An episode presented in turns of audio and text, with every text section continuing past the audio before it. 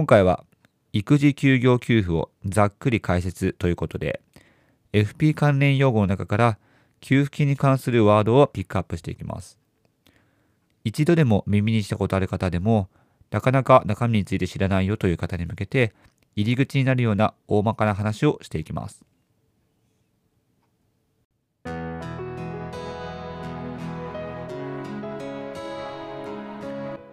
ヒロトのフラーット独り言。第87回目の配信です、えー、今日は1月の28日木曜日ということで、えー、1週間の折り返しを迎えて、えー、明日行けば、まあ、土日お休みの方もたくさんいらっしゃるんじゃないでしょうか、え今日はですね、まあ、外を見たらまあパラパラと雪が降っていましてまあおそらく直近だと初めての雪だと思うんですけども、あ、皆さんの地域にも降ったんですかね。まあこのね、雪が降ると、まあ、ますますもう冬も本番になっていくなっていうことで、はい、ちょっとね、あの防寒対策もぜひともちゃんとしていただいて、はいまあ、特に早朝なんかあの経験がね、最近してるんですけども、すごく寒いので、あのぜひともあったかいスープを飲んで、えー、体の芯から温めてもらいたいなと思います。はい、僕もあ風邪をひかないようにちょっと頑張っていきたいと思います。はい、えー、今日はですね、えー、木曜日ということで、えー、お金に関するお話をしていくんですけども、まあ、ここ最近、まあ、ここ最近と言っても、まあ、2回ほどなんですけども、えー、この木曜日の日はお金に関することをピックアップしていまして、で中でも、まあ、FP に関連する用語について、まあ、これは、まあ、特にあの重要じゃないかなってことを、えーまあ、勝手ながら僕がもう独断と偏見で選んであのその内容をちょっとざっくりとお話をしてるんですけども、えー、今日はですね、えー、タイトルにもあります通り、まあ、育児休業給付について、えー、ちょっとお話をしていこうと思います。まあ、この言葉自体はもう読んで字のごとく、まあ、お子さんが生まれた方に向けて、えー、自分が働けない期間、えー、給料をもらえるという、えそういう仕組みなんですけども、えー、おそらく、まあ、多くの方は、まあ、一度や二度は、まあ、この言葉、まあ、聞いたことが、まあ、あるのかなって思うんですね。まあ、なんですけども、じゃあ実際どういった制度で、えー、どういった人が対象で、そしてどのように、えー、申請すればいいのか、そして、えー、どれぐらいもらえるのか、うん、ここが一番気になるとこだと思うんですけども、まあ、そこまでなかなか、まあ、意識的に、まあ、調べるっていうのは、まあ、普段やっぱり忙しいと思うので、えー、なかなかね、アンテナ張れないと思うんですね。なので、えーまあ、今回はですね、あのー、まあ、そんな育児休業給付について、本当にもう大まかなことを、えー、お話をさせてもらって、そこでもし、まあ、気になった方いらっしゃいましたら、もうあの Google で開けば、もういろんなあの記事やら、えーまあ、内容がね、あの調べ出てくるので、そこで、まあ、ぜひとも詳しくあの調べてもらいたいなと思います。はい。なのでね、まあ、そんな登竜門としてのあの役割をちょっとね、やらせていただこうと思いますので、はい。今日はざっくりとお話をしていこうと思います。えー、まずですね、この育児休業給付、えー、じゃあ実際にどんな制度なのかというと、えー、簡単に言うと、え1歳未満の、お子さんを養育するために、え育児休業を、所得した時ですね。で、その所得した期間で給付金が得られるというものです。で、具体的には、え産前産後、まあ、生まれる前と生まれた後の8週間以内、出産前の6週間と出産後の8週間後ですね。それを、えー、迎えた後に、まあ、給付金が、まあ、国からもらえますよっていう、まあ、制度なんですね。じゃあもともとこの制度、えー、なんで存在しているのかというと、まあ、さっきもちらっと言ったんですけども、えー、育児休業を、えー、もらった時に、まあ、その期間って、えー、子育てに専念するわけなので、まあ、なかなかフルタイムで働くっていうことは難しいと思うんですね。なので、えー、そういった方でも、えー、給料が止まらずに、えー、一定の、えお金が入ってくるように、え一定期間、まあ、育児のためのお休みをもらったとしても、え安定したような収入が入るっていう状況を、まあ、支援するために設けられていますと。いうことですね。はい。えー、実際にね、あのじゃあどんな支給条件があるのかと言いますと、やっぱりね、あのまあ、ただ単にお子さんが生まれました、じゃあ、えー、給付金がもらえますっていうと、まあ、なかなか、ま、そう簡単にもいかずですね。で、えー、要件としては、主に、えー、まあ、2、3ぐらいありますね。はい、2、3あるので、まず1つ目、えー、これは、まあ、制度上、まあ、雇用保険に加入していることが、えー、まず前提となります。要するに、あのまあ、企業やら、えー、どこかしらの、まあ、機関やら、えーまあ、組織に所属している人が対象ということですね。まあ、なので、えーまあ、残念ながら、まあ、自営業の方、自分で何か、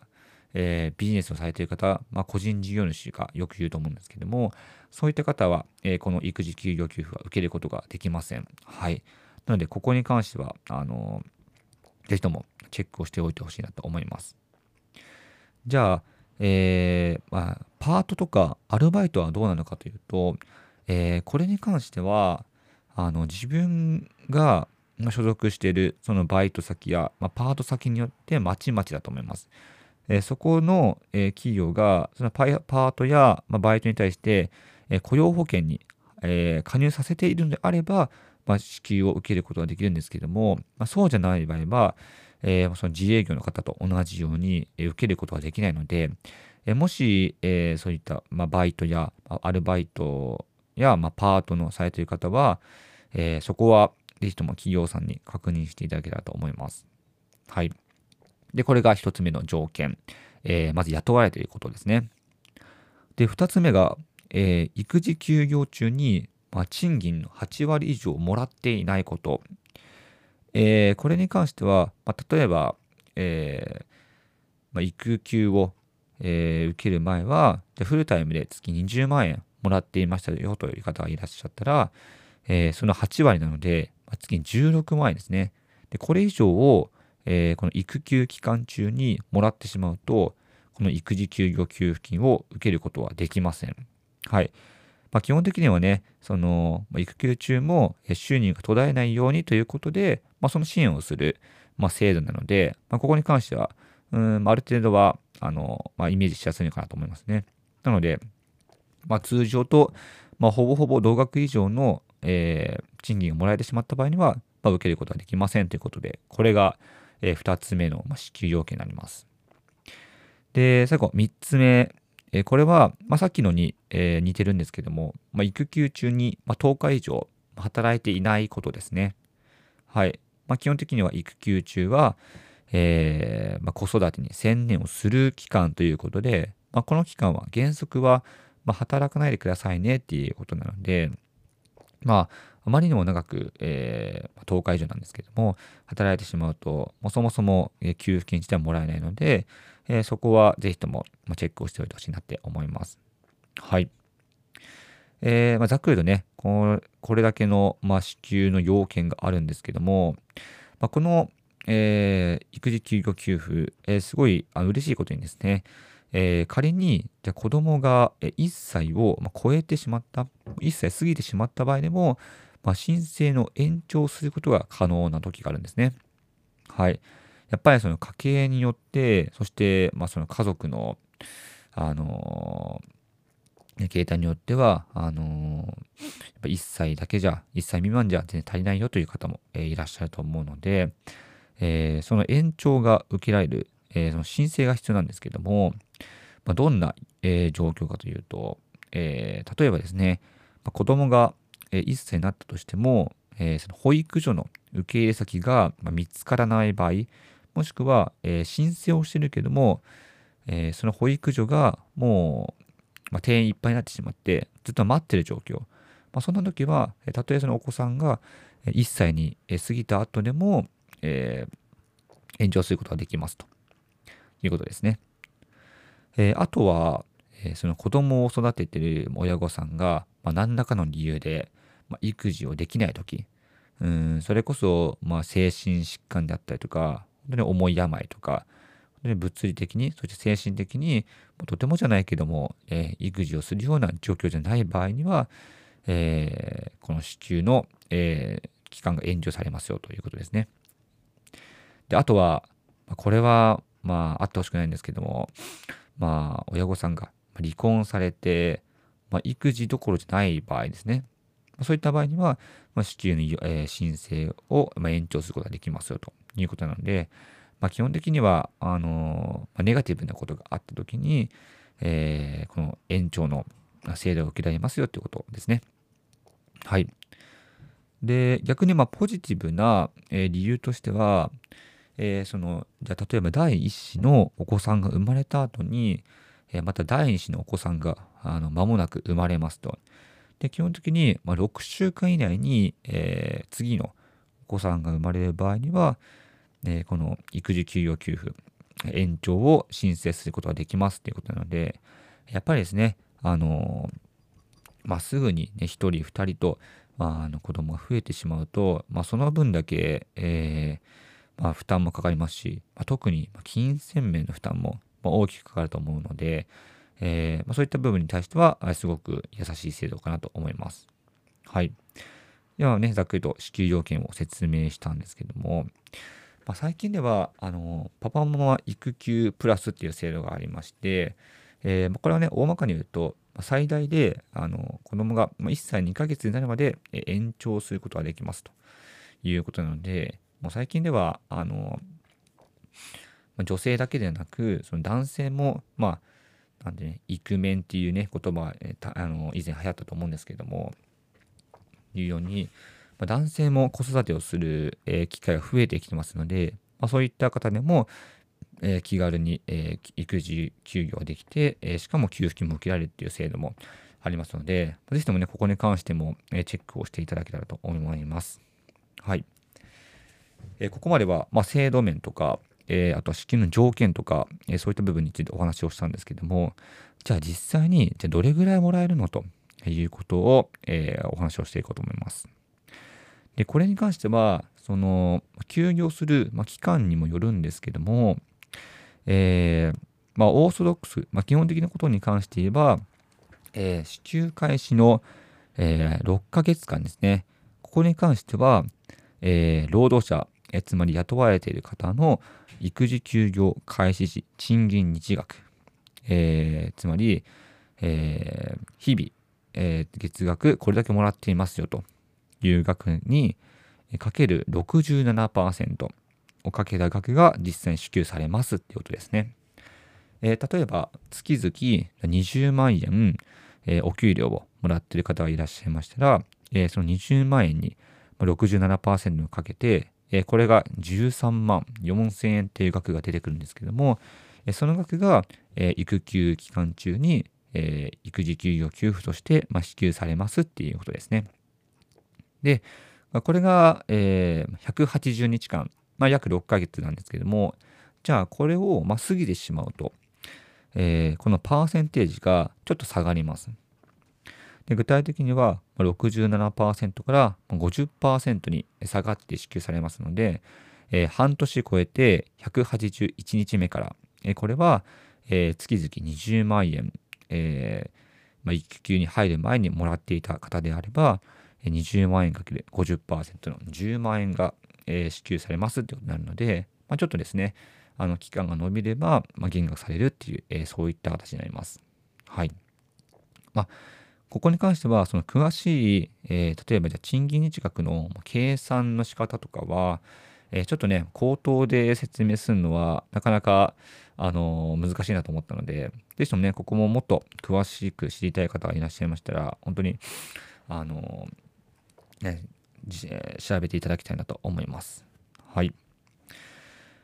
え、最後、え、申請方法は、え、実際にここまで制度と、そしてもらえる額についてお話をしたんですけども、じゃあ実際にどうやって申請するのと、えいうふうに、ね、思う方いると思うんですけども、えこれはですね、基本的には、その、ま、雇用されてる身であるということで、やっぱりあの会社という組織があると思いますので、その会社の、えー、例えば人事部とか、総務部とか、え、そこに、えーまあ、育休の給付制度を受けたいんですっていうものを、えー、旨を伝えますと、そこで、まあ、申請をすることができるんですね。で基本的には、まあ、会社の方で、えー、いろいろと教えていただけると思うんですけども、まあ、中には個人でも申請したいっていう方も、えー、いると思うので、えー、その際はですね、まあ、基本的には、ま会社でも、ま個人でも、ま必要書類が、えー、揃える必要がありますということで、えここもですね、ちょっとあのまここでお伝えしようかなと思ったんですけども、やっぱ内容自体もすごく細かいので、うん、書類に関しては、えー、ぜひともあのここも Web で調べていただいて、はい、まあ、少なくとも何かしらの書類を提出する必要があるんですよってことは、えー、ぜひとも覚えていただきたいなと思います。はい。まあでも、言うて申請自体は、この、まあ、3、まあ3段階ですね。会社の、え、人事部総務部に伝えて、そして申請の方法を、選定しますと。で最後、必要書類を揃えて、えー、提出するだけですので、あのまあ、思った以上にそこまで手間はないかなと思います。ただちょっとね、必要書類っていうのが、えー、まあ、多少、あの、ある、複雑であるので、はい。ま、そこは、今お勤めの会社さんにぜひとも、あの、えー、具体的な手順は聞いてみてほしいなと思います。はい。えー、最後ですね、えー、育児休業給付金を受けるときの、まあ、注意点ということでお話をしていくと、えー、これはですね、あのー、原則、育休が終わった後に職場に復帰することが前提とした、まあ、制度なので、例えば、じゃあ育休が終わって、じゃ会社辞めて、えー、違う職場で働こうと考えている方いらっしゃいましたら、それはですね、ちょっと難しくて、で、育休後すぐに退職してしまった場合には、この給付金が支給されませんということが一つの条件としてあります。で仮にそのまあすぐではないけども、えー、ある程度じゃね時間が経って、えー、退職したいって場合には、えー、その退職する期間の、え前月までの分が支給されるんですね。例えば、え今が2021年ですので2021年の、え今が1月じゃあ3月に、え退職をしようと思っていた方がいらっしゃれば、えその3月にその支給が止まるのではなくて、その2月ですね、前月の2021年の2月に支給が止まってしまうので、そこはぜひとも注意をしてほしいなって思います。はい。まあ、あとは基本的にはここの部分ですかね、うん、注意していただきたいのは、うんまあ、なので、まあ、基本的には、えー、その会社に居続けることを前提とした制度なんですよということを、えー、ぜひとも、えー、大まかに覚えてほしいなと思います。はい。はい、こんな感じで、えー、今回は、まあ、育児休業給付について、本当にもうざっくりとした解説をしたんですけども、はい。ここではね、本当にポイントポイントしかお話をしていないので、えー、ぜひともですね、あのー、あのご自身の目で、えー、あのウェブなり、そしてまあ、プロに聞くなり、えー、していただきたいと思いますので、本当にもう、あの、紹介手で、えー、ここでやらせていただきたいと思います。はい。えー、いかがだったでしょうか？まあ、これを機にね、あの、育児休業給付ってどういった制度なのかってことを、まずはそのアンテナを、えー、張る意味でも、えー、知っていただけたらなと、えー、すごく、